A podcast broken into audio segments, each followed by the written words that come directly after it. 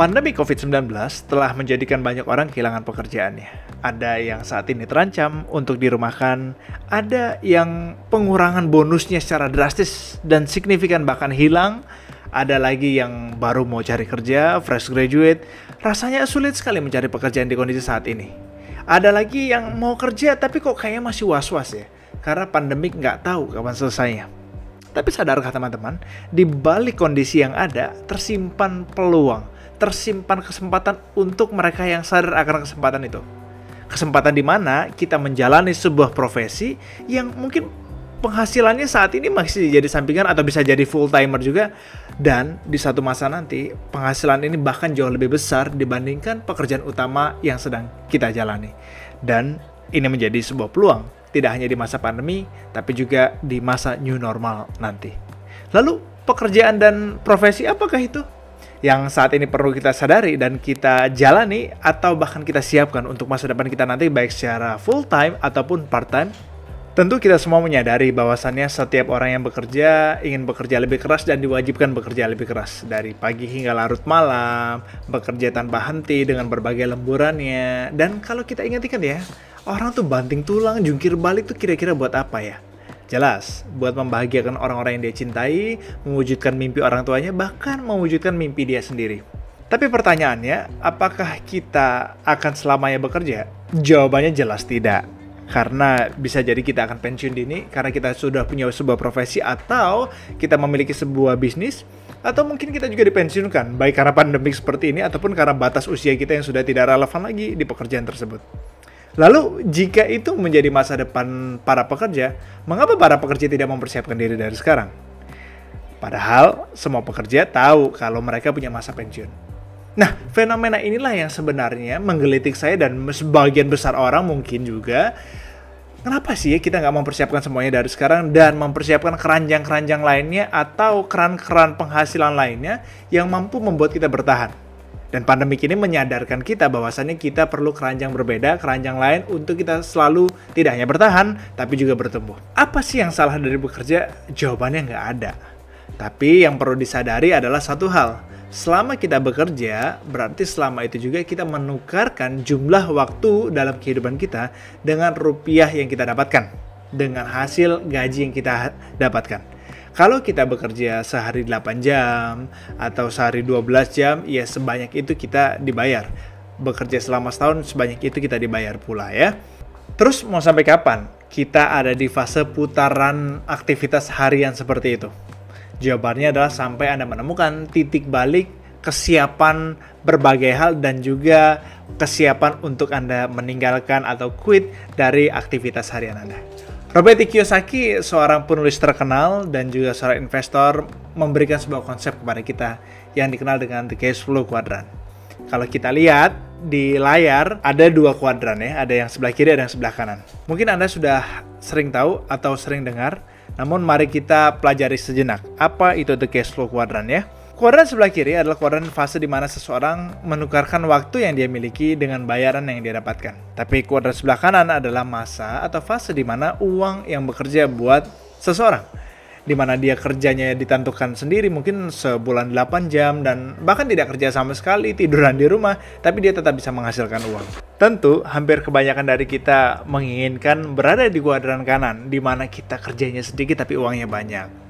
Tapi sayangnya ya di luar sana tidak semua orang itu bisa beruntung loh untuk membangun sebuah bisnis. Karena memang gak gampang bisnis ya, gampang diucapkan tapi butuh perjuangan untuk mengerjakan dan melakukannya. Dan anda yang berbisnis tentu tahu itu.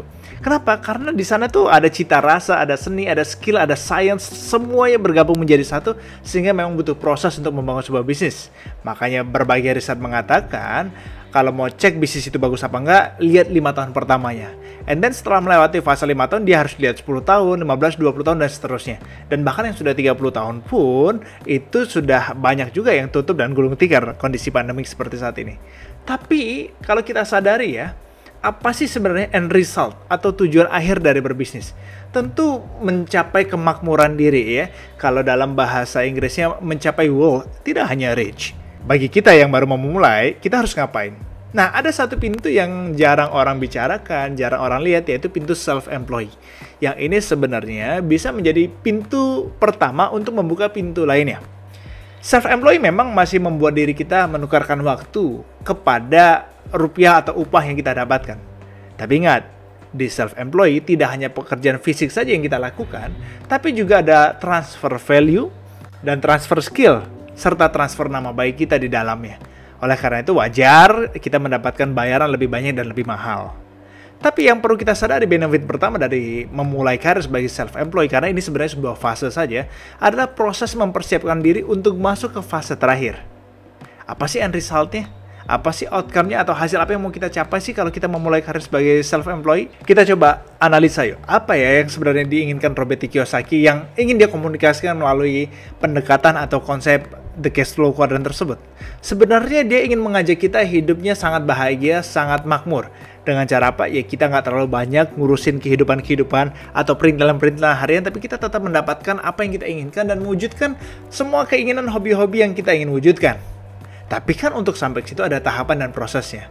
Maka dari itu, tahapan pertama adalah kita harus beres urusan dapur kita dulu ya, urusan dasar kita dulu, urusan fondasi kita dulu. Nah, kalau dihitung-hitung, kan kita harus tetap bekerja karena pengalaman kita masih belum banyak mungkin atau kita belum punya modal besar untuk membeli sebuah sistem bisnis mungkin. Nah, kita bisa mulainya dari self-employed karena self-employed adalah starting door gitu ya, pintu pengawal, pintu pembuka yang bisa membuat kita menerobos masuk ke jalur kanan atau masuk menerobos ke kuadran kanan. Anda bayangkan, bagaimana seorang Raffi Ahmad yang artis populer akhirnya membeli klub sepak bola, Atta Halilintar. Itu kan dia selalu menukarkan waktunya dengan uang, and then uang yang ada diinvestasikan, artinya dia investor. Atau kalau dia beli bisnis, dia buat sistem bisnis, dia beli. Karena membangun dari awal itu memang nggak mudah. Kalau Anda nggak punya skill dan daya tahan yang baik membangun dari awal, saran saya mending dibeli. Kan untuk memiliki sebuah pohon cantik itu tidak selamanya harus ditanam, bisa juga dicangkok. Pertanyaannya adalah dari mana biaya mencangkoknya kan? Atau apa yang membuat orang mempertimbangkan kita bisa mencangkok pohon itu atau profesi tersebut atau bisnis tertentu gitu ya. Maka dari itu Anda harus jadi profesional, harus jadi expert di sebuah skill. Walaupun sekarang Anda uh, masih menukarkan waktu Anda dengan uang, it's okay. Raffi Ahmad juga begitu kan. Beliau ngartis, and then dia populer, dia dapat uang dan uangnya diinvestasikan atau dibelikan bisnis atau juga diinvestasikan kepada hal yang kita juga nggak lihat. Maka dari itu benar kan, self-employed itu bisa membuka pintu gerbang yang lainnya. Nah, apa yang selanjutnya harus dilakukan setelah nanti kita sudah punya penghasilan? Jelas, yang pertama Anda beli saja sistem bisnis atau franchise misalkan ada banyak sekali bisnis franchise yang bisa Anda beli. Atau juga Anda bisa investasikan ke properti, reksadana, saham dan lain sebagainya gitu ya. Nah, oleh karena itu apa yang sedang Anda kerjakan sekarang, apa yang sedang Anda bangun sekarang, itu harus memiliki cita rasa yang sangat tinggi sehingga transfer value dan transfer skill yang Anda lakukan sebagai seorang self-employed itu dibayar mahal. Sehingga pertumbuhan kita menjadi lebih cepat untuk masuk ke zona kanan atau ke kuadran kanan.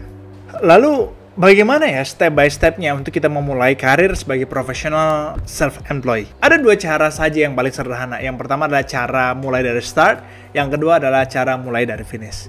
Cara mulai dari start berarti mulai dari apa yang kita miliki sekarang. Hobi kita, passion kita, and then profesi kita, atau latar belakang pekerjaan kita, profesionalisme kita, expertise kita, dan lain sebagainya. Itu berarti mulai dari start.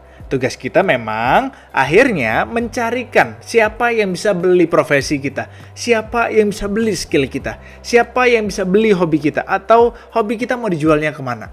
Nah itu PR panjangnya ya. Contohnya saja Anda hobi ngomong Anda bisa jadi MC, jadi podcaster, jadi uh, announcer, jadi dubber gitu ya kan. Jadi apa lagi? Jadi sekarang lagi tren voice over anda hobi nulis, Anda bisa jadi ghostwriter, copywriter, dan scriptwriter. Anda narsis, Anda bisa jadi beauty vlogger gitu. And then Anda juga bisa jadi misalkan food vlogger dan lain sebagainya. Jadi apa pun yang Anda miliki, Anda hobi gitu ya, Anda bisa kerjakan. Bahkan hobi sehat pun hobi olahraga Anda bisa jadi fitness coach, jadi body goals coach gitu kan, jadi instruktur yoga dan lain sebagainya. Dan itu semua ada duitnya loh. Ada duitnya. Itu semua kalau mau start dari titik start atau titik hobi, titik passion, titik profesi yang sedang dijalani. PR-nya memang mencari siapa yang bisa membelinya. Yang kedua adalah mulai dari titik finish, berarti memulai dari tren pasar yang ada atau kebutuhan pasar yang ada. Nah, ini memang hal yang yang membuat kita cepat untuk laris atau laku. Tapi PR-nya adalah mempercepat diri kita untuk relevan ada di situasi, di zona atau di kerumunan itu.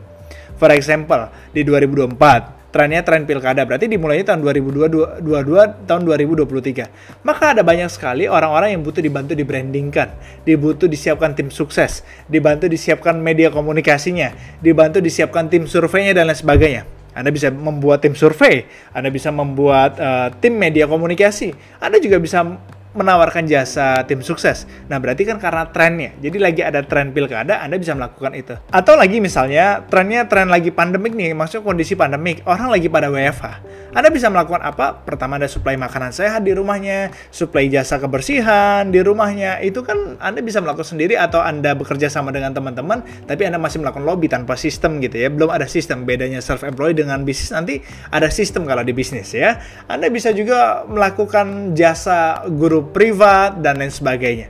Itu bisa Anda lakukan di masa tren pandemik ini ya. Dalam kondisi pandemik maksudnya tren pandemik itu berarti dia lagi ada masanya, lagi ada fasenya.